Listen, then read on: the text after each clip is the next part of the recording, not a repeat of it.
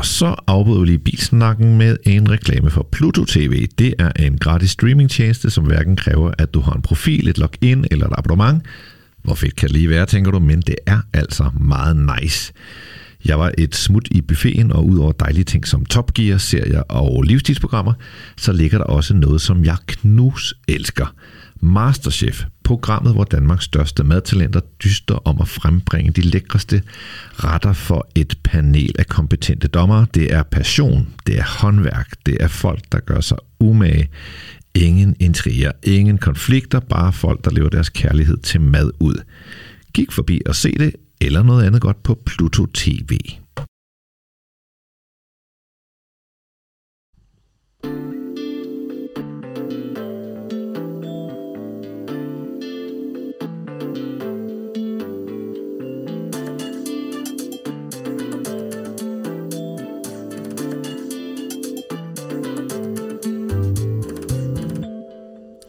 Velkommen til Gravs Garage, en podcast, der handler om biler, men mindst lige så meget om mennesker. For uagtet hvor fascinerende jeg synes biler er som sådan, så bliver det lige en fartstribe farligere, når der står en ejer ved siden af. Og den bilejer, jeg selskab af i dag, kom til verden i 1976. I 1994 gætter jeg på, at han skyndte sig at få et kørekort, for han er lidt af en entusiast, en stor bilven og i det hele taget en ven. Du kender ham som tv-vært og radiovært, men det hele startede i en rød Mazda 323 og en ledsagende idé om at blive ejendomsmaler. I dag er han vedejer af et firma, der lever tøj til hundeejere, samt influent og YouTuber. Felix Schmidt, velkommen til Gravs Garage. Tak, Christian. Tak. Og øh, velkommen øh, på min terrasse. Det er specielle omstændigheder. Der var en mikrofon, der gik ned, så nu sidder vi som et par turtelduer omkring en mikrofon, og der har været lidt øh, tekniske udfordringer. Det, mm. det er jo sådan set sagen udvedkommende, men på en eller anden måde er det kun blevet hyggeligere. Altså, jeg synes, det fortjener en selfie faktisk. Altså, hvor skal jeg se, hvor tæt på hinanden vi sidder. Det er jo, når øh, ens far laver øh, podcast. Det er jo boomer-agtigt, ikke? Altså, er det ikke lidt det? jo. ja, ja, men det, jeg elsker det. Ja, ja. Jeg, jeg kan sagtens men, leve med det, Christian. Men da jeg købte alt det grej, du ser her og derinde, og sådan noget, så, så var ideen jo ikke, at det skulle være sådan noget, wow, boomer, hjemmesløjt, ingeniøragtigt. Så var tanken, wow, det her, det skal være. Det skal være. Og det var det lige indtil den der mikrofon stod af en halv time før du kom. Men du har jo lige købt det. Fuldstændig. Altså, det har lavet en podcast. Ja. Den kunne holde til Kasper Askren, og så en kraft Peter vælt med, om jeg gider det her. Prøv, vi, nu gennemfører vi det mm. så godt vi kan. Vi håber, folk kan lytte og høre det, vi siger. Ikke? Altså, måske der er en lille smule baggrunds øh, halløj, men det tror jeg bare, fordi vi sidder tæt på hinanden. Der er lidt vind. Der er hunden Robert. Ja, han er også med. Det er din hund. Servicehund. Inde i stuen, der står min hund Pirlo. Ja. Og øh, er lidt anxious over at være blevet sendt indenfor. De kom dårligt øh, fra start, de to. Ja, vi svinger bedre, end vores hunde gør. 100 procent. Ja. ja. Øh, Felix, du kommer anstigende i øh, en bil, som vi lige så godt kan starte med. Den er, Elefanten i rummet. Øj, altså, den er fed. Fortæl lige, hvad det er, du kører i. I dag kører jeg i en uh, Land Rover Defender fra 1988 i uh, Tangier Orange, um, som jo er uh, civilforsvarets orange farve i virkeligheden også. Så en meget orange uh, Land Rover Defender 90'er. Mandarin-agtig orange. Jeg synes, den minder om Fanta, altså den farve, den mm. havde dengang, den bare var sundhedsskadelig. Altså inden de lavede det om. Kan du huske den der helt dybe orange, ja, ja, ja, fra da vi var små? Det er den farve, den Det var før folk beskæftigede sig med e-nummer. Præcis. Ja, ja. ja, ja. Hvor længe har du haft den bil? Den har haft i to måneder nu.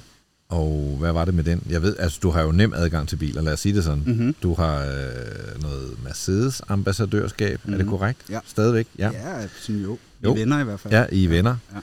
Og øh, derudover, så, så har jeg bare set dig i mange nye biler, men... Øh, Ja, at jeg er jo ligesom øh, dig jo også bidt af et galt racerdæk nogle gange, ikke? så jeg bruger jo meget af min tid på biler og køretøjer, og jeg ved ikke, hvordan du har det, men nogle gange så, så møder man en bil, som man simpelthen bare ikke kan være med at købe. Og der er ikke nogen fornuft bag det, der er ikke noget, altså der er ingenting, der giver mening i virkeligheden. Det er en følelse, og det er noget, man er nødt til at agere på. Nogen kan også få det sådan med kvinder, men jeg har det sådan med biler. Mm.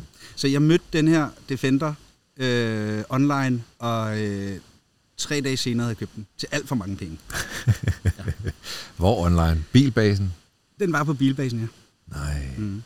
Og den er 1988. Den er, er turbodiesel. Ja, 2,5 liters turbodiesel. Den er fra før verden gik at lave. Ja, den er fra før miljøzoner, og, øh, ja, og igen E-numre i virkeligheden. Ja, ja, ja. ja. Og du var 12 år, da den blev bygget. Mm-hmm. Ja. Og der er jo noget over sådan en på en eller måde. Den er jo, øh, hvad, hvad kalder man den? Har jo, altså, den, kalder man det en cabriolet? Den har, det er jo en kort version, og den er jo uden tag, og Mm. den er med syv sæder alt, otte sæder måske. Du øh, må sidde syv mennesker inde. syv mennesker inde. Så det er jo sådan en bil, øh, den er jo tænkt til safari og sådan noget, men man ser den jo rigtig tit herude. Ja, altså i reservatet. Ja, ja. Det er lidt ligesom mig og min øh, Porsche. Man, man bliver lidt en, en kliché i den, men på en fed måde. Der er nogle klichéer, man gerne vil, ikke? Jo, og man skal jo vælge sine klichéer med omhu. Ikke? Fordi altså, bag, hver en, bag hver kliché gemmer der sig jo også en, som regel en fascination og et ønske, måske ovenikøbet øh, lidt et barnagtigt ønske tit, ikke? Altså noget, det er noget, der er sådan uragtigt lagt i en fra barndommen, at der er nogle ting, man bliver kodet med, når man er lille, som man på et eller andet tidspunkt i livet håber, man kommer til at kunne opnå. Og det kan godt være biler. Hvor længe har du haft et crush på specifikt sådan Defender? Øhm, det har jeg nok haft siden jeg som lille var på besøg hos, øh, nu kan jeg ikke engang huske, hvad han hedder, men en af mine fars øh, venner, som havde en bondegård. Og der, der han Jens havde... Hansen? Ja, lad os kalde ham Jens Hansen. Men han havde sådan en øh, Defender 90'er, hvor at alt var strippet af, hvor der kun var en forrude, det der dæk ude på motorhjelmen, dørsiderne var pillet af, sådan så den bare stod helt rent, sådan som et barn ville tegne øh, en Jeep. Mm. Ikke?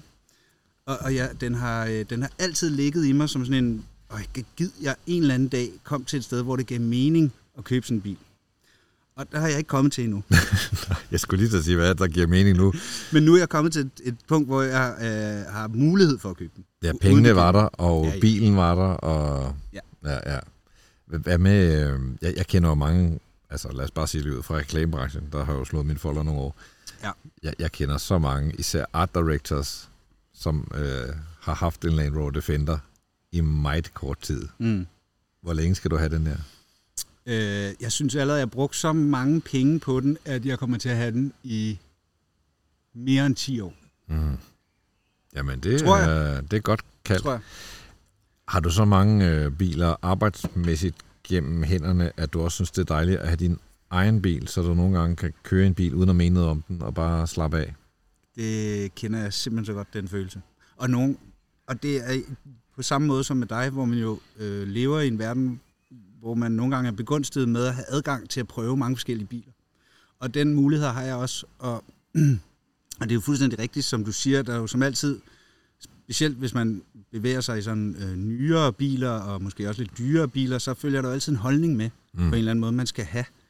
Så det der med en gang imellem bare at have sit eget kører, nu har jeg så valgt en så dum, fordi jeg kunne egentlig godt tænke mig nogle gange også bare have øh, sådan en helt almindelig, øh, det har jeg faktisk, jeg har jo en Renault Zoe også. Nå, den, har du det? Jeg har en Zoe. Og den tager jeg jo nogle gange, når det bare skal være sådan helt, øh, Er det den nye Zoe, eller er den første Zoe? det er den nye, mm. men den er hurtigt lader på. Er, det en, øh, er det en beskidt aftale, du har, eller har du simpelthen været ude og vælge at have en Renault Zoe? Den er, øh, den er købt. Det er en... Øh, altså, jeg kan godt lide den, men øh, jeg, jeg, jeg, den- den fik jo 0 stjerner i Euro NCAP. Men det gjorde den jo ikke, dengang den blev lavet. Nej, nej, der fik den den jo fem. fem stjerner. Ja, ja, ja. Så igen, de har jo bare ikke lavet noget ved bilen, de har lavet noget ved Euro NCAP. Præcis, og det er jo noget med, jo mere udstyr der kommer, jo mere skal det have. Og så nu er det sådan noget automatisk fodbremse, der skal kunne genkende en bænkebider, når man kører Yes. med 160. Og, altså, og, Ja. ja. Men tilbage til det der med Ja. at eje sin egen bil. Mm. Det betyder faktisk noget. Øhm, og det er også fordi, hvis man tit har biler, man låner, eller er, de er inden for en kort bemærkning, man når jo ikke at få det der forhold til. Man når heller ikke at have den der følelse af, at det er okay lige at smide noget ned på gulvet, eller at spille lidt kaffe ned i kopholderen. Der er altid det der stressmoment med, at de skal være rene, og de skal være nyvaskede, når man afleverer dem igen, og man, man skal passe på dem. Så nogle gange er det jo også rart bare at have noget, man ikke skal passe så meget på. Og hvor jeg kan da lade ting ligge, og hvor det er fint nok, måske en gang imellem min stressede si- situation, lige ryge en cigaret i den. ja. Man kan jo hoppe ind på min øh, Instagram og se et øh, billede af dig og bilen. Og hvis man gør det, så kan man se, at den har noget kalesje hen over førersædet og passagersædet. Men så ligesom om, øh, at den bagerste del af bilen, den er ikke dækket til. Det, det kan den blive, går jeg ud fra. Den har en fuld kalesje, der ligger øh, derhjemme, men det her er jo det der er en bikini-top. Mm. Mm. Det er en sommerkalesje. Så det- den dækker kun lige øh, de to øh, førersæder, er og ikke frækt. noget andet.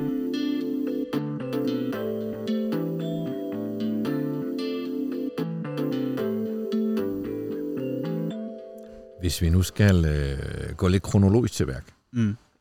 så har jeg jo allerede, øh, det er hunden Robert, man kan høre i Robert, baggrunden, piver. så har jeg jo allerede sagt, at det startede med en Mazda 323, mm. Hed den G, GLX. GLX. Mm. Jeg har aldrig fundet ud af, hvad det stod for egentlig. Nej, det er ikke den med klaplygter. Nej, nej, nej, nej. Ej, den nej, hele, nej. øh, Den hele øh, femdørs øh, 323 fra 80'erne, ikke? Altså hatchback, simpelthen. Alle havde den. Ja, ja, ja. Rød. Ja. Som, ja, fortæl, fortæl. Ja, men i virkeligheden, er, hvis man ikke kan huske den, så er der måske nogen, der kan huske øh, Opel Kadetten. Fordi mm. det var i virkeligheden bare den japanske Opel Kadett, ikke? Altså den fuldstændig samme måde bygget op, som den, den Opel Kadett, jeg i hvert fald kendt fra 80'erne. Ja. Inden, inden den sådan blev rund, ikke? Sådan den blev firkantede bil, hatchback. Jeg havde den i, i rød. Jeg arvede den fra min mor. Hun gav mig den, fordi at jeg besluttede mig for, at jeg gerne ville være ejendomsmaler og fik en elevplads, så synes hun også, at jeg skulle have den bil. Det havde hun ikke gjort, hvis jeg havde besluttet mig for det, jeg endte med at blive.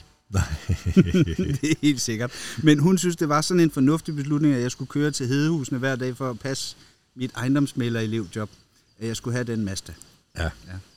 Hvad, hvad, hvad var det, hun godt kunne lide ved, ved ideen om dig og ejendomsmaling? Det tror jeg, som de fleste møder nok, at det lugtede lidt af et fast arbejde med en fast indtægt og en eller anden form for fremtidsperspektiv. Er hun øh, stolt af dig i dag? Meget. Hun er meget stolt Ja, af det det. det, har hun ikke... Altså, der har jo der været perioder, hvor hun har tænkt, hvad i alverden er du laver? Hvorfor sætter du det gode job op som ejendomsmælderelev? For at blive, øh, hvad det nu end er, du er. Ikke? Men jeg tror, det som grundlæggende er hun efterhånden kommet dertil, at nu har jeg klaret mig i 47 år, så hun ikke... Ja, hun bliver nok ved med at klare sig. Og, og altså, her der er vi tilbage i, har du et årstal cirka? Det må jo så have været 1995, 95 eller 96. Så du er sådan noget 19-20 år? Og, øh, Lige kommet ud fra hans ja. Og du er ejendomsmaler nede i Tostrup? ja, Hedehusen. Hedehusen? Lige ved siden af Tostrup. Du sælger etværelseslejligheder? På Tostrup Hovedgade, primært. ja. Koster mellem 2 og 300.000 for sådan en lejlighed, ikke? dengang. Hvad, hvad, hvad, hvad sker der så bagefter? Altså, hvad er det, der gør, at du tænker, det skal ikke være mig, og hvordan finder du over i mediegøjl? Der sker det, at efter et år som ejendomsmalerelev, så når jeg dertil på ejendomsmalerstudiet og skolegangen, der, der, der ligesom hører med, øh, faget økonomi.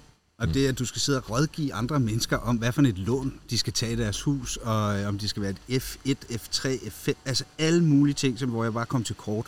Og den, jeg tror egentlig, at ejendomsmæler, jo, du, hvis, du vil, være- hvis du vil være rigtig ejendomsmæler, så er du nødt til at tage den uddannelse. Men jeg tror i dag, dengang der skulle man som ejendomsmæler kunne det hele. Mm. Du skulle både kunne være bankrådgiver og sælger. I dag der kan du godt være en af delene. Altså de har fundet ud af, at det ikke alle, der er gode til at sælge, der er også er gode til at rådgive folk om deres økonomi. Men dengang der skulle jeg kunne begge dele, og det kunne jeg ikke, så jeg, jeg måtte simpelthen ende med at sige op, fordi at det var så langt væk fra, hvad jeg interesserede mig for, og hvad jeg kunne finde ud af, at øh, jeg kunne godt se, at ude i fremtiden, det, det kom ikke til at fungere. Var det ærgerligt, eller var det, var det okay på det tidspunkt? Øh, det var okay, faktisk. Det var ikke sådan, at jeg sad og tænkte, at gud, hvor er det ærgerligt, at jeg ikke har de evner. Jeg tror egentlig bare, at jeg nåede frem til, at det skal jeg ikke være. Hvad sagde din mor? Hun sagde, øhm, at det tror jeg, at fordi det jeg skiftede det ud med, så vidt jeg husker, var et job øh, som bartender inde på Comedy Zoo. Mm, Og det er jeg ret sikker på, at hun ikke synes nødvendigvis var det sådan mest fornuftige skift. Det altså at gå ikke- fra en, en ejendomsmaler elevuddannelse hos EDC-malerne til at blive bartender inde på noget, der hed Comedy Zoo. ej, det lyder ikke... øh, Det lyder ikke helt rigtigt, det kan jeg godt se. Forstyrrer han lidt nu med bolden? Ja, man kan høre hunden lege med bolden. Jeg synes ikke, det gør noget. Man kan også høre en havemand, der går amok. Vi optræder i Charlottenlund. Der er altid en havemand, der går amok et eller andet sted i, i nærheden. Ja.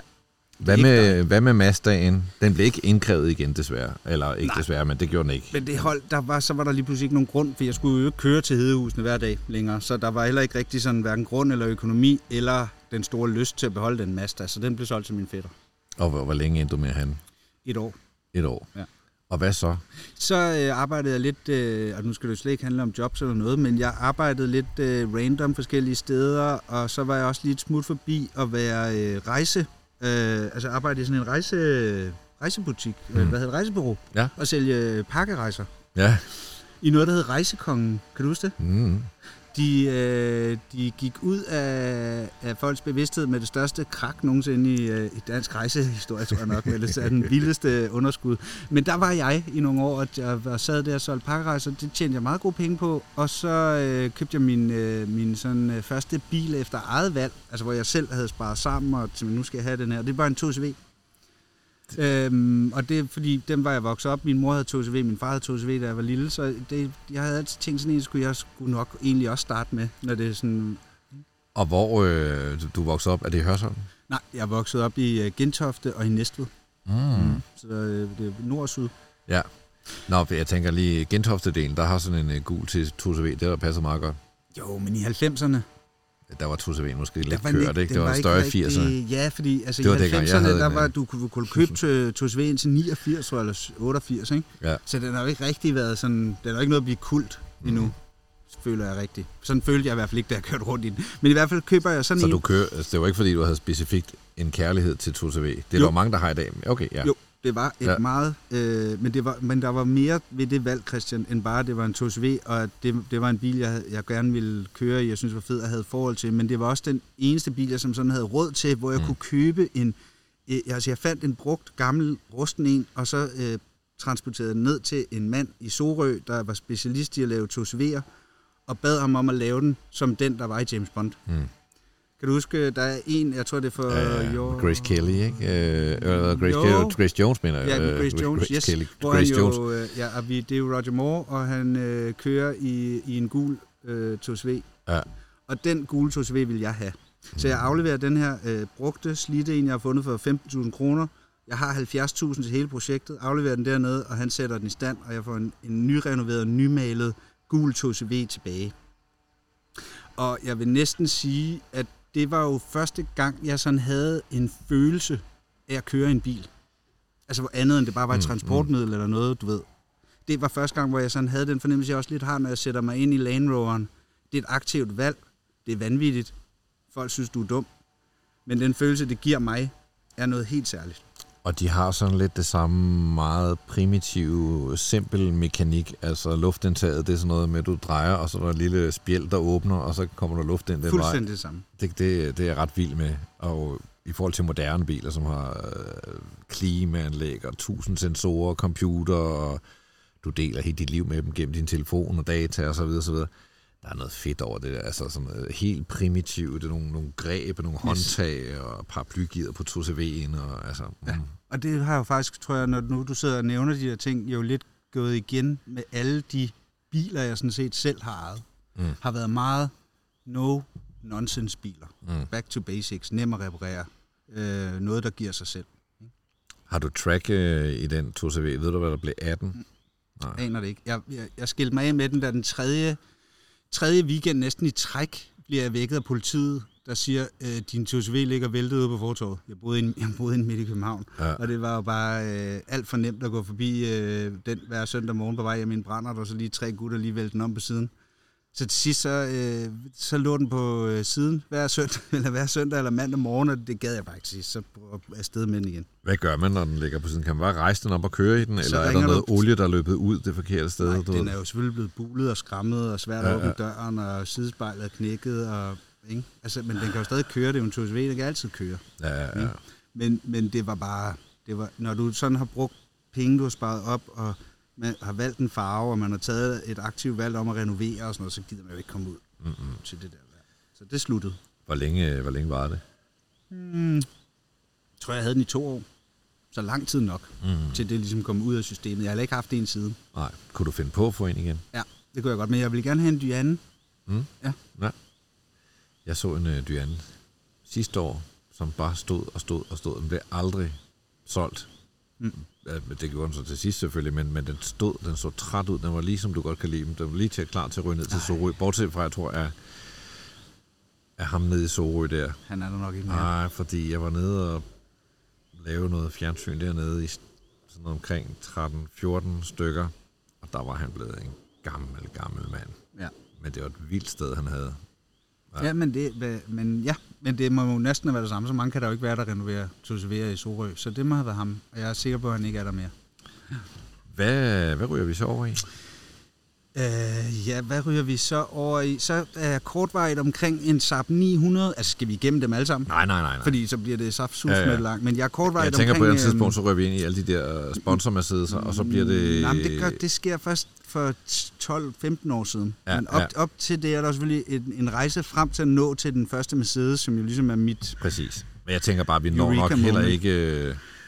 Vi når nok ikke alle Mercedeserne, men øh, de sjove, eller de første biler, det er altid sjove og sådan lidt tilfældige. Og, Ja. ja. Altså, jeg, der, jeg kommer lige kortvarigt omkring en Saab 900, Mhm. mm. fordi det var det, min øh, far havde, da jeg voksede op. Mm. Så den, det, har du haft en bil, som din far har haft? Nej, altså det nærmeste... Jo, jeg har haft en 2CV, det havde han også. Ja. Øh, ja. Og jeg tror altså, der er mange, der kommer omkring lige skal... Man skal lige prøve det mærke, som ens far har svor, svor, sådan svor til, ja. ikke? Så skulle jeg have en Volvo. Han har haft lidt Volvoer, og øh, han havde en 142. Det er sådan den Oh, mest mondæne bil, vi havde i min barndom. Og øh, Hatchback. øh, Nej, se- nej. sedan. Sedan. Sedan. Ja.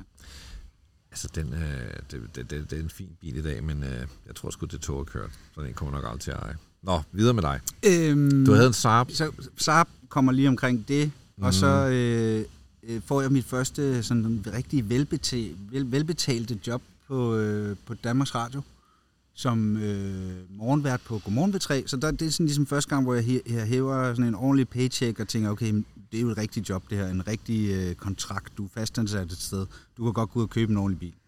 Og der havde jeg øh, ude af øjenkrogen, faktisk i Gentofte, hos en øh, gammel bilforhandler, der ikke er der mere spottet, en øh, Mercedes E-klasse W123 fra 1983. Mm.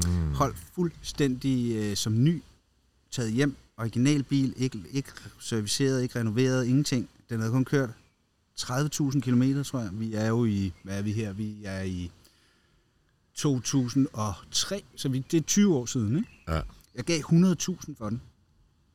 For, for en brugt Mercedes fra 1983, ikke? Og var det altså legit? Var det, var det 30.000, eller viste det så, at den... Den, den var som ny, den bil, Christian. Den havde kun kørt 30. Den duftede stadig en ny bil, når du satte dig ind i den. Sådan nogle biler finder du jo ikke mere nu. Mm, Mm, mm, altså, mm. det, de, det er kørt med sådan noget. Men i, der i, i, i starten af nullerne, der, der, hvad har den været der? Den var fra 83, så den har jo været 20 år 17 gammel. år, ikke? 17 år Ja. gammel, ikke? Så der kunne du godt stadigvæk, der var et marked. Ja. Så, øh, og det bliver jo ligesom, Det, det tror jeg, det er noget hovedregn, der gik helt galt der, men øh, ja. Det, alle ved, ja. hvad vi mener. Ja. øh, og det er jo heller ikke et regneprogram. Nej, det er det sørme ikke. Det er det sørme ikke. Men det var i hvert fald der, jeg ligesom... Jeg tror, jeg har jo nok altid drømt om at have en Mercedes. Fordi Mm. det var sådan noget, jeg sad på bagsædet af den Saab og kiggede på ned igennem Tyskland i alle de fine Mercedes. Så det har altid ligget i mig. Gid jeg en dag noget mm. til et Mm. sted, hvor jeg kunne det. Mm. Ser den der, den koster kun 100.000. Jeg tænker, det er et steal. Køber den. Og så er det ligesom om, at jeg kommer hjem. Mm. Hvilket årstal var det, du sagde, du Det gjorde er det, i? 2002, tror jeg. Nå, okay. Så er vi 2002, på 19 år. 2003, ikke? Ja. Sådan noget, cirka 20 år siden. Øhm, og det, den følelse, jeg fik i den bil, og det, det, jeg ved godt, hvad du vil sige, fordi det er jo helt øh, blød hat. Og, I've been there, I've been there. altså, men Jeg for har mig, haft en øh, 123 stationcar. Altså den, der hedder den TE. købte jeg jo også. Ja, Da jeg havde haft øh, sedan i noget tid, beholdt jeg den, stødt på en stationcar, der også var flot, mm. så den købte jeg også. Så Det- jeg havde dem begge to. Men et, et stationcar, den har den der chrome rail op på toppen. Ikke? Jamen, det, det er er så sådan en fin gammel bil, men jeg synes jo, sedanen er, den er vokset. Jeg kan huske dengang, der var jo en gang, hvor mediebranchen og reklamebranchen, det var det, var det eneste rigtige, det var have en Mercedes 123. yes. Og den, folk ville helst have coupéen, så kom stationcaren, og så kom sedanen. hmm. Men i dag, der synes jeg, sedanen, den har ligesom... Altså, den er, den er bare fed, og så vil jeg sige, det Smuk. bagagerum der, du behøver ikke en stationcar. Altså, der, der kan jo være så meget nede i det bagagerum. Altså, jeg, jeg, jeg fortryder det så meget, at jeg har solgt den bil. Jeg tænker på det ugentligt. Mm. Og jeg ser den også nogle gange rundt i København, og jeg vil overveje lidt, om man... Det er Og du sådan ved, en, det er den. Den har stadig den samme nummerplade. Er den pæn stadigvæk? Den er rusten. Og det Ja. ja. var den ikke, da jeg solgte den. Og det er også... Ja. Men i hvert fald, det er der, det ligesom starter for mig. Jeg kommer ind og sidder i den her, den føles sådan helt ny, og den der luksusfølelse og cruiser... øh, Det har jeg bare ikke oplevet før. Mm, mm, mm, mm. Så at sidde i den bil, jeg kørte og kørte og kørte og kørte. Jeg kørte 200.000 i den bil. Mm. På, øh, på, jeg tror, jeg havde den næsten 10 år. Ja. Hvordan var din øh, opvækst og dine forældre? Var det sådan nogle lidt... Øh, var de nogle flippede typer, eller var de sådan nogle pæne, øh, mere borgertyper? Revisor og skolesekretær. Okay, så de var egentlig til den pæne side? Ja.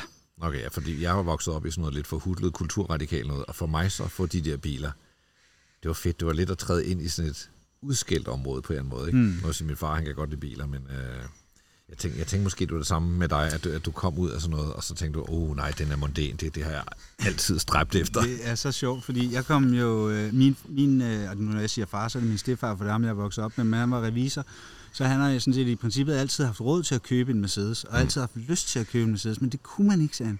Han kunne aldrig få noget, der var andet end Saab. Fordi at hver gang han så kørte hen til en kunde, så ville de jo tro, at, at han snød dem. Og du kunne ikke som revisor køre rundt i sådan en prangende bil. Det har også ændret sig. Jeg har set revisor i Porsche og alt muligt i dag. Ikke? Men dengang, så var det sådan, det kan du sgu ikke. Altså, det er for useriøst. Så da han gik på pension, hvad var det første, han gjorde? Køb en Mercedes. Yes. Hvad købte han for en? Han købte en uh, C-klasse stationcar. Ej. Som han sikkert har gået og drømt om uh, hele tiden, der blev lavet en C-klasse stationcar. Ikke? Og dig og Danmarks Radio, havde du lavet noget andet radio før, eller hvordan kom du ligesom ind? Var det sådan noget talenthold, eller? Øh, Det var egentlig lidt tilfældigt. Jeg, var, jeg havnede igen lidt tilfældigt over hos TV2 og lavede et ungdoms-tv-program i nogle år, der hed Rundfunk. Og ud fra det, så en dag var ringet Danmarks Radio og spurgte, om jeg ikke havde lyst til at lave radio. Mm. Og så, så gjorde jeg det. Og det gjorde du faktisk i ret mange år, ikke? Det gjorde jeg 10 år. Ja, ja. Du lavede morgenradio, du lavede formiddagsradio, nogle af de store flader på P3. Ja. ja. Jeg tror, jeg lavede dem alle sammen. Og så øh, noget fjernsyn bagefter. Men det går ud fra, at vi kommer til. Hvor længe havde du sedangen? Den havde jeg jo så i næsten 10 år. Wow. Ja. Nå for fanden. Og jeg skilte mig kun af med den, fordi jeg fik et barn. Mm. Og så kunne, man, kunne øh, hvad hedder det, sikkerhedsselen på bagsædet kunne ikke nå rundt om barnsædet. Og så var det sådan noget med, okay, skal jeg tage en beslutning om nu selv at gå ud og få lavet nogle sikkerheds, sikkerhedsseler, og hvad, hvad, hvad, hvad, hvilken tankerække ender det i, og hvad nu hvis der sker noget, og nej, vil du være, drop det, jeg køber en, øh, køber en anden. Og var det så øh, den samme, og så som stationcar, eller var det senere, du kom tilbage og fik en 123 TE? Nej, altså der skete jo det, at så, øh, nej, jeg har den, øh, jeg har sedangen, så får vi et barn, så køber jeg øh, stationcaren, Mm. løber ind i problemet med, at der ikke er øh, sele nok. Okay, ja, ja. Så bliver den solgt, så bliver den grønne også, altså sedangen også solgt. Så nu siger jeg noget, som... Det her, det lyder Det af en jeg- tennisbold, der bliver ja, er smidt en af hunden. Robert ned på et terrassegulv. Du siger noget, jeg aldrig har sagt til nogen mennesker. Mm. Så køber jeg en... I afmagt over, at... Jamen, jeg kan næsten ikke få mig selv at sige det. Jeg går ud og køber en, øh, en C3 Picasso. Nej, for helvede. Er det, er, det, er, det, er det en hemmelighed, der bliver brudt her i podcast? har For jeg synes, jeg, øh, jeg havde synes, den meget jeg, kort vej, og jeg har aldrig sagt til nogen. For jeg synes, jeg har haft dig med i Euroman i ja. Auto-CV, og der synes jeg ikke, øh, jeg sad og læste i form, der synes jeg ikke, der stod noget med Citroën Det kan godt C3 være. Picasso. Den var der også kun... Altså, jeg ved ikke, det var et, et svagt øjeblik af sådan en... Okay, du har lige fået et barn, der skal alle mulige ting med. Gud, hvor er den smart, den bil. Alt kan være der. Der er bla bla bla, hvad der nu er. De samme grunde, som andre mennesker ender med at købe en Citroën, går jeg ud fra. Var altså, din- det, var- det er ikke en fornuft. Var din kæreste, kone, var I gift? Nej, Der? Nå, nej, var, nej, Var nej, din kæreste glad for Nej, den? fordi det jeg jo gjorde var... Jeg Hvis ikke engang hun er glad, ikke? Nej, for hun gad ikke at have den, så hende købte jeg en Lada til. jeg købte en Lada 1300 fra, øh, fra Rusland, hvor alting stod på russisk. Var den blevet fed der øh, allerede? Den eller- var så okay, fed. Ja, ja. Den var specielt fordi alting stod på russisk. Mm. Ikke? Det ville jo ikke ja. gå i dag. Der ville den ikke være fed. Men Altså i mange år var den ikke, det var heller ikke fed, da den var Fiat, men lige pludselig er den blevet fed. fuck, den er fed, den bil. Ja, ja. Men den gik i stykker hele tiden. Så vi havde en Citroën øh, Picasso, og så havde vi den Lada, som Marie skulle køre i, og det endte med, at jeg altid kørte i den Lada, fordi den altid gik i stykker, så hun gad ikke køre den. Jeg gad til sidst ikke selv at køre en Lada, så solgte vi begge bilerne, og Mm. så købte jeg en BMW.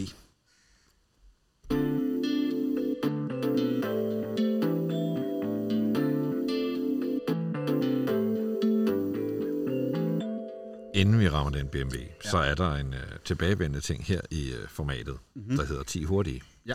Og det har ikke noget med svar, du kigger på dit ur. Det har ikke noget med svartiden at gøre som sådan. Det vil jeg bare lige sige.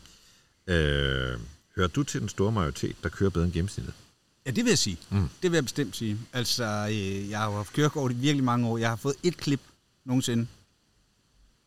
Et, Christian. Hvor mange har du fået? Øh, jo, jeg har ikke talt dem, men, men ikke så frygtelig mange. Jeg tror måske, jeg haft 3-4 i alt. Ja. Jeg har heller aldrig kørt, øh, jeg har ikke været i nogen trafikuheld. Altså, jeg har aldrig kørt ind i nogen, eller faktisk heller aldrig oplevet nogen kørt ind i mig. Aldrig bakket ind i sådan en, en sten, der var lidt... Jo, jo, jo, jo, jo Ja, ja. men ikke i nogen. Nej, okay. Jo, jo, jeg Nej. har lavet sådan nogle dumme nogen, hvor jeg ikke har kigget mig for og bakket ind i en sten, selvom der var en bakkamera, der det skulle du ikke gøre. Ja. Alt sådan noget har jeg gjort. Mm. Men jeg har aldrig kørt ind i nogen. Jeg har aldrig været i trafikuheld. Jeg har aldrig blevet kørt op i. Og jeg har som sådan kun, tror jeg nærmest, næsten kun fået parkeringsbøder. Altså, alle folk synes jo, de kører bedre end gennemsnittet, men der er nogen, der har noget at have det i. Og jeg vil, jeg vil gerne tro det om dig. Jeg har jo også taget en racerlicens, og alene det gør, at jeg jo øh, tager det at køre mere alvorligt end de fleste. Vi vender tilbage til Mm. racerlicensen også. Har du nogen klip i kørekortet? Ja, et. Nej, det har jeg haft. det har jeg ikke. Lige nu har jeg det er udløb. Det, Nej. er det halvandet år, det løber? Eller? Ja, det tror jeg, det ved jeg faktisk ikke engang. Det er så længe siden. Jeg har ikke noget. Okay. Hvad er den bedste køretur, du nogensinde har været på?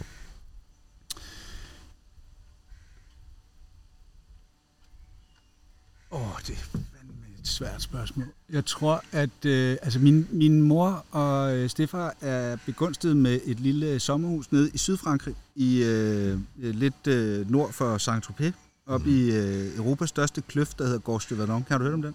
Øh, nej. Er det i nærheden af La Garfrenne?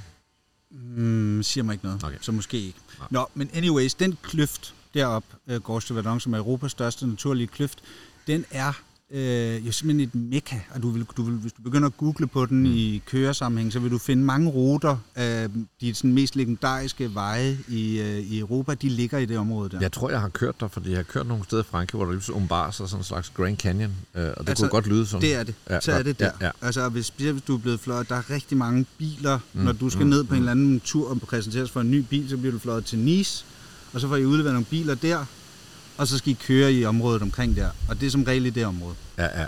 Og der bor mine forældre, jeg har haft hus i 20 år, og der har jeg jo øh, et, altså der er nogle, jeg har haft biler med dernede, og, altså jeg, nej, det, jeg, kan ikke, jeg kan ikke sige den mest længere, men det er det område, og det er det sted, jeg stadigvæk tager til, hvis jeg skal prøve en ny bil. Mm. Mm. Har du kørt derned også selvfølgelig, ja, i nogle af alle de der fede ja. Mercedes'er? Yes, mm, det rigtig mange. Din største brøler som bilist? Ja, den har vi jo lige været omkring. Det var jo købe en Citroën C3 Picasso. Ja, det kan man sige. Den er god. Øh, hvor lang tid går der, før du dytter, hvis ham foran ikke sætter i gang, når lyset bliver grønt? Jeg dytter ikke. Aldrig? Aldrig. Har du nogensinde øh, misset et grønt, og så er der blevet rødt igen, fordi du ikke dyttede, og ham foran ikke ja. sætter i gang? Ja. Men det tager har, jeg meget roligt til noget. Har du nogensinde gjort det to gange i træk? Jamen, jeg tror, at jeg kan, jeg kan sikkert huske, at jeg er blevet holdt tre gange i træk uden at dytte. Wow. Fordi jeg tænker jo ikke, at den, der holder foran, holder der med vilje. Nej. Så det hjælper jo ikke mig. Det hjælper ikke nogen, at jeg begynder at dytte personen. Og du står ikke ud og går op og banker på og spørger, om alt er okay?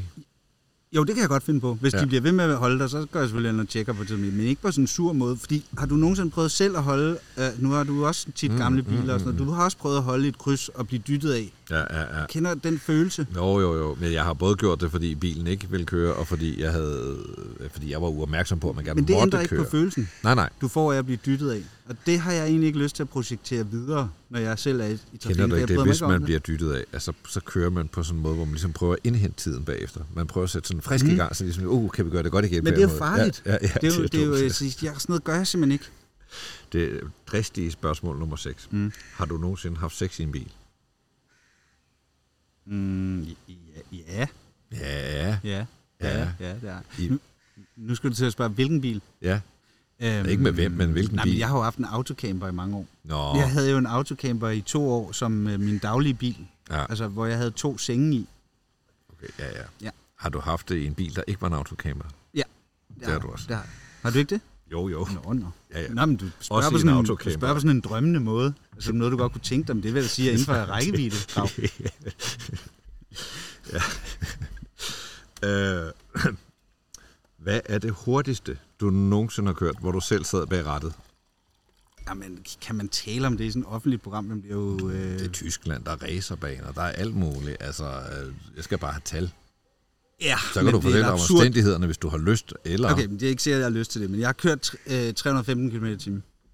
315 km i timen? Ja. Nej, i hvilken bil? I en øh, Mercedes øh, S65 AMG med øh, drivers package, altså hvor der ikke er nogen begrænser på. Nej, ja. det lyder Så, Altså en, en V12'er, ikke? Ja. Nu ser hunden Robert næsten ud som den er blevet venner med hunden Pirlo, men... Øh... Jeg føler ikke den der knoren er sådan en velkomstknor. Nej, nej. nej. Den, men den lover med halen også. Ja. Wow, det hurtigste, jeg har kørt, det er 302. Jamen, det er jo næsten det samme. Ja, om 13 km i timen. Jo, counts, men jeg var bare lige oppe og smage ja. og så ned igen. Ja. Men jeg vil sige, det var jo gjort i en bil, hvor du så hurtigt kommer op på 315, mm. at, at det der jo tit er med at skulle køre så hurtigt, det er jo den tid, det tager at komme op til os. Ja, ja, ja, ja. Som kan være rigtig farligt. Den kræver meget, for mange biler, meget vej ja, ja. at nå dertil, ikke? Jeg kørte det i en Senvo, det krævede ikke ret meget vej. Så, Nej, men så er du jo en af de heldige, der rent faktisk har fået en, øh, en tur i en Senvo, hvor du kørte uden at gå i lige. Nej, det er savligt sagt. Jeg ved godt, ej, det trækker jeg tilbage, Præstø. Undskyld. har du nogensinde haft et billede af dig selv i eller foran en bil som profilbillede på Facebook? Ja, ja. ja. Mange gange. Hvilke biler? Alle de biler, jeg har, tror jeg. Stærkt. Ja. Bilferie sydpå eller afsted med en flyver? Øh, bilferie sydpå any day. Mm. Altså, jeg flyver kun, hvis jeg ikke kan køre, faktisk. Altså, hvis det ikke er muligt at køre, så er jeg nødt til at flyve, men ellers så, så kører jeg altid. Mm. Sidste spørgsmål. Ja. Når familielægen en dag siger, ved du hvad Felix, jeg tror, jeg tror at din tid bag rattet er ved at være forbi. Hvad gør du så? Altså, jeg har jo... Min mormor øh, bor i Schweiz og er 91 år gammel. Og Robert... Shh. Nå, min mormor er 91 år gammel. Dejligt meget miljø med i dag. Ja. Og din mormor er og, 91 år. øh, og hun kører jo stadigvæk i sin øh, A5 Cabriolet hver Mm. dag. Ikke? Og det giver mig jo øh, håb for fremtiden, så jeg tænker, at det bliver jeg der forhåbentlig også. Både Ja. ja. 91 og ved med at have mit kørekort. Det er de gener der. Mhm. Ja. Mhm.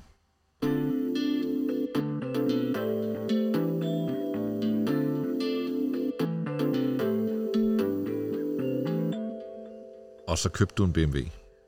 Ja, igen meget kort vej. Men det var kun fordi den der 1-serie lige var kommet. Mm. Og den synes jeg bare var rigtig fed. Det var jo inden A-klassen kom med den fede A-klasse. Mm. Der havde de kun haft den der øh, L, den der, der væltede. Ikke? Ja. Men, og så kom den der BMW 1-serie på et tidspunkt, hvor jeg lige gik og tænkte på, at jeg skulle have sådan en øh, nyere bil, og det må også gerne være tysk, og nu skulle jeg ikke have sådan en gammel en med vores sikkerhedssele, bla bla bla. Men så endte jeg i den. Mm. Øhm, jeg er simpelthen ikke et BMW-menneske. Nej, hvorfor Det er jeg ikke? Det, jeg ved ikke, hvad det er. Jeg kan ikke... Øhm, Jeg har, det er igen en følelse. Altså, jeg, Ja. jeg, jeg, kan- jeg kan ikke identificere mig med det. det er ikke designet. Nej, det er det jo ikke, og det er jo heller ikke... øh, jeg, kan ikke jeg kan ikke forklare dig, hvorfor det ikke er. Det er jo, det enten så er du Mercedes, eller Audi, eller Mhm. Porsche, eller øh, hvad det nu er. Ikke? Altså, jeg, jeg er bare ikke BMW. Nej. Du er jo lidt BMW. Jeg er meget BMW, og det er, at jeg kom jo fra at være alfist. Ja. Øh, og Det er jo sindssygt. elskede Alfa Romeo, og på den måde så det var det, jo også haft. det var sådan lidt rivaliserende med, med BMW, så dem kunne jeg ikke så godt lide. Men så da jeg begyndte at skrive om biler, så kom jeg ud og køre noget BMW. Jeg må indrømme, øh, første gang jeg sad i sådan en BMW, så tænkte jeg bare, hmm, ja. Altså, den der måde, den styrer på, mm. baghjulstrækket, hvis man er heldig at have en med den legendariske række 6'er der, men anyway, altså, det, det, det kører bare på en måde, som gør, at jeg tænker, det, det her, det føles bare rigtigt. Og jeg synes faktisk, altså, jeg kan også godt lide Mercedes, men jeg synes, hvis du tager Mercedes, Audi, BMW, de der tre tysker, Mm. så synes jeg bare, BMW'en, det er den, der er sådan mest bil i, og det er den, hvis der var en lille snodet vej, det, det, så vil det altid være den af dem, som by proxy er sjovest. Ja, og det er vi fuldstændig enige om. Jeg kan ikke argumentere med det, du siger, andet end det er en følelse. Mm. Og jeg er bare... Jeg ved ikke, jeg, jamen, jeg har bare set mig sur på mennesker, der har BMW, men jeg synes mm. bare tit, de er i øh, en, de, en- de er i den samme kategori, og de er, en- de er en anden kategori øh, af bilister, end jeg er. Ja, men det er måske heller ikke BMW-typen, som sådan, øh, jeg, jeg er vild med. Det er mere bilen, jeg bare må sige, ja okay, den, øh, den, den, den er jeg glad for. Men øh, det var ikke dig, hvor længe havde du den? Et år, Okay. okay. max 8 måneder sikkert kun. Skal vi springe, eller hvor... Øh, jeg kan sige, vi har cirka... Ja, vi har, hvad har vi? Ja, gode 20 minutter igen. Altså, vi kan jo godt, fordi efter BMW-affæren der kortvej, så har jeg sådan set ikke rigtig... Skal, jeg gøre, skal vi gøre noget med de hunde? Ja, hvad, fanden, hvad kan vi gøre? Øh, enten så tager du din hund og fjerner ham længere væk, Mm. altså ind i det næste rum, eller Ja. også så øh, tager jeg min hund og sætter ham ud i lanevognen. Nej, det giver det. er synd, er det ikke? Jeg ved ikke, om han bliver siddende. Nej, nej. Nej. Jamen, der, jeg tror... Vi pauser lige. Ja, vi pauser lige.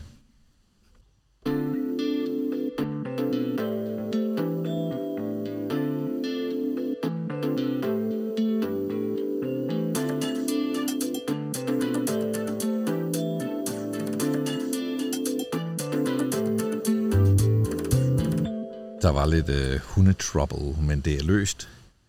Du sidder og peger på en øh, Mercedes-tatovering, du Jeg har. sidder og peger på en rigtig dum Mercedes-tatovering, som er lavet af en 12-årig pige, men det er en anden historie. Mm. Men den har jo, har jo alligevel haft en ret stor betydning, den tatovering. Og nu forlader vi øh, øh, alle andre biler og bevæger os hen i retning af det, jeg har kørt i de sidste 15 år. Øh, st- stort set alene det. Men jeg, jeg tror, det er allerede, øh, jeg, jeg kan ikke huske, men en eller anden dag er der nogen, der har set, øh, er der en eller anden dag, ringer telefonen, og så er det nogen fra Mercedes, der siger, "Prøv, kan det passe, at vi lige har set i et tv-program i fjernsynet, at du har en Mercedes-stjerne tatoveret på din underarm? Om det kunne have sin rigtighed. Ja. og, det havde, og det har jeg jo, og det har jeg jo haft i mange år, altså nærmest siden jeg fik den, den første Mercedes, fik jeg også tatoveret den stjerne, fordi at det bare var sådan en åbenbaring for mig. Ikke?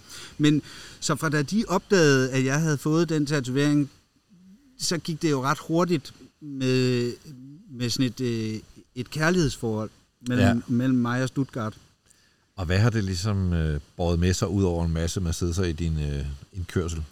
Altså det har jo, jeg tror, at det, jamen, jeg tror også, at Mercedes efterhånden, eller da vi sådan kom lidt ind på hinanden, at de jo godt kunne se, at det var en, en, en virkelig dybfølt interesse, jeg havde for deres mm. biler. Jeg jo, i hvert fald i, i sådan 70'er, 80'er og 90'er modeller, der, de, dem ved jeg rigtig meget om. Så de, de, de så jo også lidt et lys i, i, i mig, og det har jo ført rigtig mange spændende oplevelser med. Jeg har jo været verden rundt med Mercedes og prøvet øh, Robert og prøvet øh, alle mulige øh, spændende og vilde biler sammen med dem.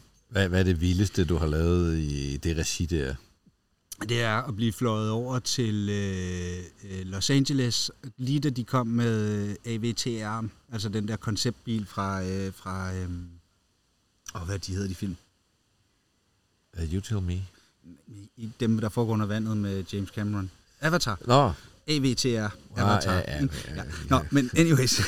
ja, det er nu neder. Ja, det er nu øh, i, hvert fald, så det tror jeg, det er det, der sådan står, det der, der først kommer til mig, at et, øh, jeg blev inviteret af Gordon Wagner mm. til at tage derover øh, til Los Angeles og prøve som den første journalist i verden, øh, biljournalist, at køre i den bil. Ja. Og så blev der lavet en film om det, som nu faktisk, tror jeg, øh, stadigvæk er den sådan mest sete film på Mercedes' øh, øh, YouTube-kanaler. Og hvor du taler engelsk? Taler engelsk. Og taler med, er ude at køre den, og køre den sammen med Gordon Wagner, der er chefdesigner, og også ude at køre den sammen med øh, den unge fyr på 18 fra øh, et eller andet sted i Asien, der havde tegnet den. Wow. Ja. Så der, de, dem har der faktisk været nogle stykker i sådan nogle oplevelser, hvor, jeg, hvor, du ved, hvor det virkelig har været sådan, okay, jeg skal knibe mig selv i armen, hvor jeg, at der er nogen, der har fløjet mig herover og betalt mig penge for at lave en film om den her bil. Ikke? Du har jo også været til sådan nogle arrangementer, hvor der var andre Mercedes-ambassadører. Dem har jeg været til mange af også, ja. Og, og hvem, hvem, er det? Kan, hvad, hvad har været sådan? Har du været lidt starstruck indimellem? Hvad, Ja, fordi det er, de, de nu, jeg har nok øh, laveste led i fødekæden på den der, fordi det er jo, de har jo sådan nogle som Roger Federer og sådan nogle virkelig verdensstjerner, man øh, nogle gange kommer til at møde, ikke? Øhm, har du så, smalltalket med Roger Federer? jeg har smalltalket med Roger Federer, og også sådan en, øh, nu det er det ikke sikkert, der er mange, så mange, der ved, hvem han er, men en af mine helt store idoler inden for sejladsstedet, Alex Thompson, ja. har jeg også... Øh, spenderet tid med. Jeg har kørt rundt en hel dag sammen med en astronaut fra NASA i Norge. Altså alle sådan nogle, man ikke ville møde ellers, ikke? Ja, Undskyld. Der, der er forhindringsstøj i kø. Først øh, mikrofon, så nogle øh, hunde, der ikke er in love. Og nu øh, noget allergi, der er på en meget stejl udviklingskurve. altså, vi sidder jo midt i botanisk have. Altså, der findes jo ja. plantearter i din have, som ikke findes andre steder, som man troede var uddøde. For slet ikke at tale om dyrearter. Også det. Var det, var det ikke derfor, så havde jeg inviteret Sebastian Klein, men jeg regner simpelthen ikke, om jeg kan få ham ud og klappe igen, hvis jeg først øh, får ham ind på min matrikel. Så var ret, så flytter han ind, og har begyndt at skrive på. Ja. Hvad er det, arternes oprindelse, der bliver genskab, genskabt? Jeg, jeg bliver nødt til at høre Louis Hamilton. Ja, ham har jeg ikke mødt. Ah, okay. Desværre. Mm. Jeg har mødt... Øh, det tætteste, jeg kommer på det, er vel... Øh, ja, men jeg tror, det er egentlig det tætteste, jeg kommer på en Formel 1-kører, ved Susie Wolf. Som, så, nu skal du ikke grine, for hun er, så vidt jeg ved, den eneste kvinde, der nogensinde har været i betragtning til en Formel 1-sæde, sådan oh, rigtig. Og har kørt et, et reelt Formel 1 Jeg tror, hun fik et eller to, ikke? Men har du ikke lige lavet et arrangement her med en Red Bull? Øh... Jo, jo, jeg skal ud med David noget... Coulthard lige om lidt, men... men øh... Han er lidt mere Formel 1-kører. Jo, jo, men Susie Wolf er gift med Toto Wolf. Ja, ja, og Toto ja. Wolf ejer Mercedes. Ja. Øh, ja, for mig var det en stor ting med hende. Øhm, men ellers, ja, nu lige sådan på stående fod, kan jeg ikke lige... Øh, men der har været nogle vilde typer. Også har du, har du mødt Toto Wolf? Toto Wolf har jeg øh, været i selskab med. Okay. Jo, Niki Lauda. Åh! Oh. Ikke? Niki Lauda har jeg øh, været sammen med og talt med. Er han ikke lidt mere Formel 1 end Susie Wolf? Jo, jo, jo. Jo, jo selvfølgelig. Mm. selvfølgelig. Jeg, jeg skulle bare lige komme i tanke om det. Ham, ham havde jeg fornøjelsen et par år, inden han døde. Ja. ja. Konversation eller bare samme selskab? Konversation kortvarigt, men øh, sidde meget tæt på hinanden i et selskab. Ej. Ja. Nej, altså, jeg nej, kunne nej, sidde og nærstudere hans, øh, hans øh, brændsår. Ja. ja. og hans udplantationer. ja. Transplantationer. Ja. Så der har været nogle fede oplevelser med det. Den første Mercedes, som øh, ligesom kommer ind i dit liv den vej, er sprit nye. Ja. Hvad var det? Det er en model, man ikke må tale om. Mm. Fordi det er faktisk den første, øh, det første forsøg, tror jeg, i verden på at lave en dieselhybrid. Mm. Og den kommer øh, sådan noget 10 år for tidligt. Og eksisterer kun i nogle ganske få måneder. Og så bliver den simpelthen øh, taget tilbage. Øh, og øh, bliver nærmest sådan slettet fra, øh, fra bøgerne. Man, man tror ikke, men du kan nærmest ikke finde noget om den. Den hedder E300 øh, dieselhybrid, og den findes jo nu Mm. i alle mulige versioner. Men dengang, der fik jeg den en af de allerførste. Den kørte i øh, to måneder. Så blev den hentet på et fejeblad, Fordi Øh, den ikke fra kunne køre, eller fordi det var så hemmeligt, at den ikke... fordi at den øh, var gået i stå for, jeg ved ikke hvilken gang, at de til sidst, tror jeg, hentede samtlige af dem, der var blevet solgt, som som sikkert ikke var særlig mange, fordi det var fjollet til at starte med. Det giver mening i dag, det gjorde det ikke på det tidspunkt. Så den blev hentet, så så jeg den aldrig igen. Man tænker, det er de der dyser, der er sået til i den. Den virkede i hvert fald ikke mm, ret meget. Så det var mit første men, men, men, officielle men, bil. Lad os lige holde fast i måske følelsen. Mm. Du har haft noget gammel Mercedes, og du har en tatovering og sådan noget. Lige pludselig står der en øh, ny Mercedes i indkørselen. En At helt Felix Schmidt må tænke, jeg har gjort noget rigtigt i mit liv. Jamen, det var, det, jeg kan stadig huske følelsen. Og den følelse, jeg bare kørte, den første tur at køre i den der helt nye bil, som jeg jo aldrig nogensinde i mit liv har forestillet mig, at jeg skal have en helt ny Mercedes holdende til min rådighed i min garage. Altså, Ja, ja. Det, det, var sådan helt absurd. Jeg kan huske, jeg sad bare i den i flere timer og bare sad derinde og mm. kiggede. Ja. Robert! Shht. Den fedeste Mercedes, du har haft i øh, den aftale der. Du altså decideret haft. Jeg ved, du har kørt alt. Har du Ja. ikke kørt alt nærmest? Har du kørt den her nye, hvad hedder den nu, AMG? Øh, Ikke One. Nej, Den har jeg ikke hørt. nej. Øhm, men øh, ellers så tror jeg da nok stort set, at jeg har været igennem mere eller mindre alle. Men den fedeste, du sådan har haft på, nu er ikke permanent ophold, men øh, tålt ophold i, i længere tid. Men det bliver jo sådan lidt, fordi jo, jeg har også haft AMG, og jeg har også haft AMG øh, 63, og der har jo V8 motor, alt muligt, som har været fedt at have, mm. men altså, når alt kommer til alt, så er jeg bare ikke... Jo, jeg kan godt lide fart på en racerbane og under øh, ordnede forhold, men jeg bliver aldrig sådan en, der bare nødvendigvis synes, at det er fedt at have 650 heste til rådighed til hverdag. Mm. Det giver ikke rigtig nogen mening for mig. Jeg, jeg kan godt de første par gange synes, det er meget fedt, og man kan høre lyden, og men det meste af tiden sidder jeg, jeg stresser over, at jeg kommer til at køre for hurtigt, og får en bøde, eller der sker et eller andet, der ikke skal ske. Ikke? Ja, ja. Så det, den fedeste bil, jeg har haft fra Mercedes, som er den, jeg har været gladest for, det er Marco Polo. Wow. Altså autocamperen. Og prøv lige at fortælle om det projekt. Den havde du noget tid, og du Ja. boede lidt i den. Var det også noget med, at du blev... Altså, jeg fik den nogenlunde omkring, øh, da jeg blev skilt, Ja. ja. og, øh, og der var også corona, så det var bare sådan en... Ja, den står selvfølgelig for, den står selvfølgelig for, for en særlig tid, men der var også bare noget... Der er noget frihed forbundet med den bil, jeg ikke har haft med nogen andre biler. Mm. Og det er det, jeg savner ved den nu. Den, den var lige, der, det er der også grunden til, at jeg overhovedet havde sådan en, var, at der lige var en priskrig, en kort, kort, kort Mm. mm. priskrig mellem Mercedes og Folkevogn på, Ja. ja. på Kalifornien og Marco Poloen. Så de rent faktisk kom ned i et, et prisleje, hvor at man kunne eje dem. Ud. Mm. det kostede 30.000 om måneden. Ikke? Ja. Øh, så så, så det, det, den, der, den der måde at transportere sig selv rundt på, gav lige pludselig virkelig god mening for mig, fordi i mange år, jeg ligesom dig selv, kommer jo meget rundt i landet og laver alle mulige ting, så man har jo boet på samtlige hoteller i Danmark efterhånden, ikke? og det, det bliver sådan en underlig... Øh, jeg hader det egentlig, jeg bryder mig ikke særlig meget om at bo på hotel mere. Det er sådan en tvangsting. Men, men med den der, at jeg kunne køre selv og have alting med, og der var en dejlig seng, og der var varmeapparater, køleskaber, en håndvasker, det gav simpelthen bare så meget mening for mig. Der var at, aldrig øh, nogen morgener, hvor du, hvor du følte, at nu var du ved at blive white trash. Altså, tænkte, nu, nu, nu, nu er jeg frit fald som øh, Tværtimod. menneske. Nej, Tværtimod, men jeg var mere, havde mere følelsen af at være sådan, okay, nu er du på vej i den rigtige retning. Det her giver mening. Det her er en bil, hvor du kun behøver at have én bil. Du behøver ikke at have alle mulige andre alternativer. For jeg havde en Marco Polo V300, som jo er verdens hurtigste autocamper, med øh, lige øh, tre- 300 heste. Så altså, jeg havde jo en autocamper, du kunne køre 230 i på motorvejen. Ja, har du prøvet det? Ja, kort vej. Ja, ja, ja. Men den kunne, ikke? Så det var sådan den perfekte firehjulstræk, 300 hestekræfter, altså øh, 0 til 100 i en, i en V-klasse på, øh, på øh, mellem, mellem 5 og 6 sekunder med, med en dobbeltseng om bag. Altså, jeg elsker det. Det er så langt væk fra white trash, som noget kan være. Det er bare genialt. Den må have et noget seriøs diesel, øh, når du lavede den over. Det gjorde den også. Ja, ja, ja. Det gjorde den også. Hvad, Men det sparede jeg jo på hotelværelser. Jamen, det er klart. Ja, ja, ja. Hvad, hvad, hvad kører du for tiden? Jeg kører i EQE 43 AMG.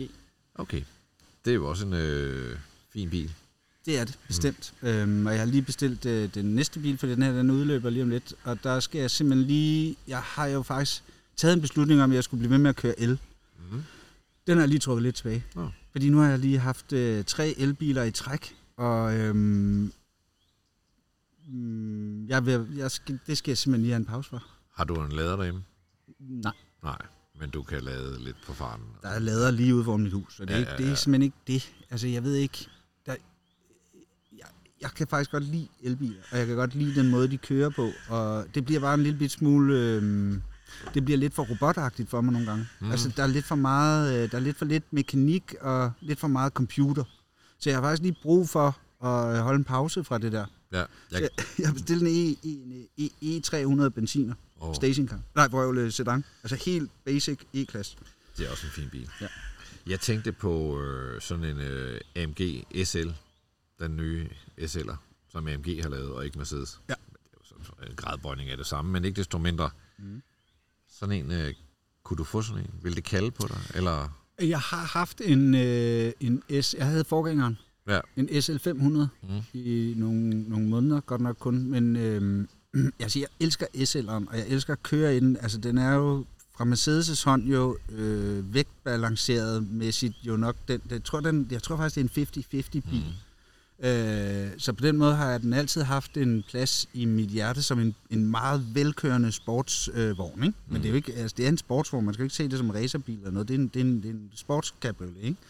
Så den har et særligt plads, og den har, det er den bil, jeg har flest modelbiler af også derhjemme. Det er jo klart SL'eren. Øhm, men jeg tror aldrig, jeg selv som sådan bliver en SL'er.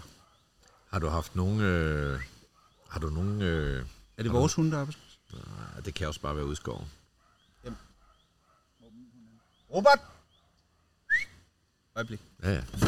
Den var der. Ja, det var da ikke Europa. Ej, så kan- Sådan er det ikke. Nej. Hvad med bildrømme? Nu har du fået øh, Defenderen. Er, Mm. der, er der andre ting på bucketlisten? Ja, det er der, og den, øh, det er også en, der har været der i mange, mange, mange år, og det kommer også til at ske forhåbentlig snart. Jeg vil prøve at have en, øh, en gammel Gelendewagen også. Mm. Jeg vil ikke have en af de nye, det siger mig ikke noget. Nej. Den har jeg prøvet øh, lidt også, det er slet ikke mig. Ja. Der, det, der kan du tale om at have på en forkert fornemmelse i munden, når man kører rundt i den. Jeg troede faktisk, du havde haft en gelendevagen. Ja, det har jeg også, men, ja. men det bliver ikke sådan en, jeg kunne finde på at købe selv. Du vil have sådan, øh, den, også den gamle, før den blev Altså, jeg vil have en puk. Før det blev... Jeg Øh, vil have en puk, ja, ikke? Eller ja, jeg, en, ja, ja. Jeg vil have en, en, øh, en øh, gelendevagen, gerne fra øh, 88 eller før, øh, og i 230 benziner. Mm. Fordi den har den samme motor og den samme gearkasse, som jeg havde i min 123, som jeg var så glad for. Og den motor, den gearkasse, kunne jeg godt tænke mig at prøve at have i en gammel gelendevagen på veteranafgift og øh, alt det der, som jeg har inde i Defenderen. Så det er ikke den ultimative gelendevagen for dig. Det er faktisk ikke en øh, AMG 63. Det er en øh, Før, gammel før puk. 1988. Lidt mere primitiv. Yes. lidt mindre luksuriøs. Ja. Kan du gætte, hvilken Mercedes, der er mit softspot, og hvis jeg skal have en Mercedes, altså hvis der er en, jeg bare må have på et tidspunkt, hvad det så er for en? Mm.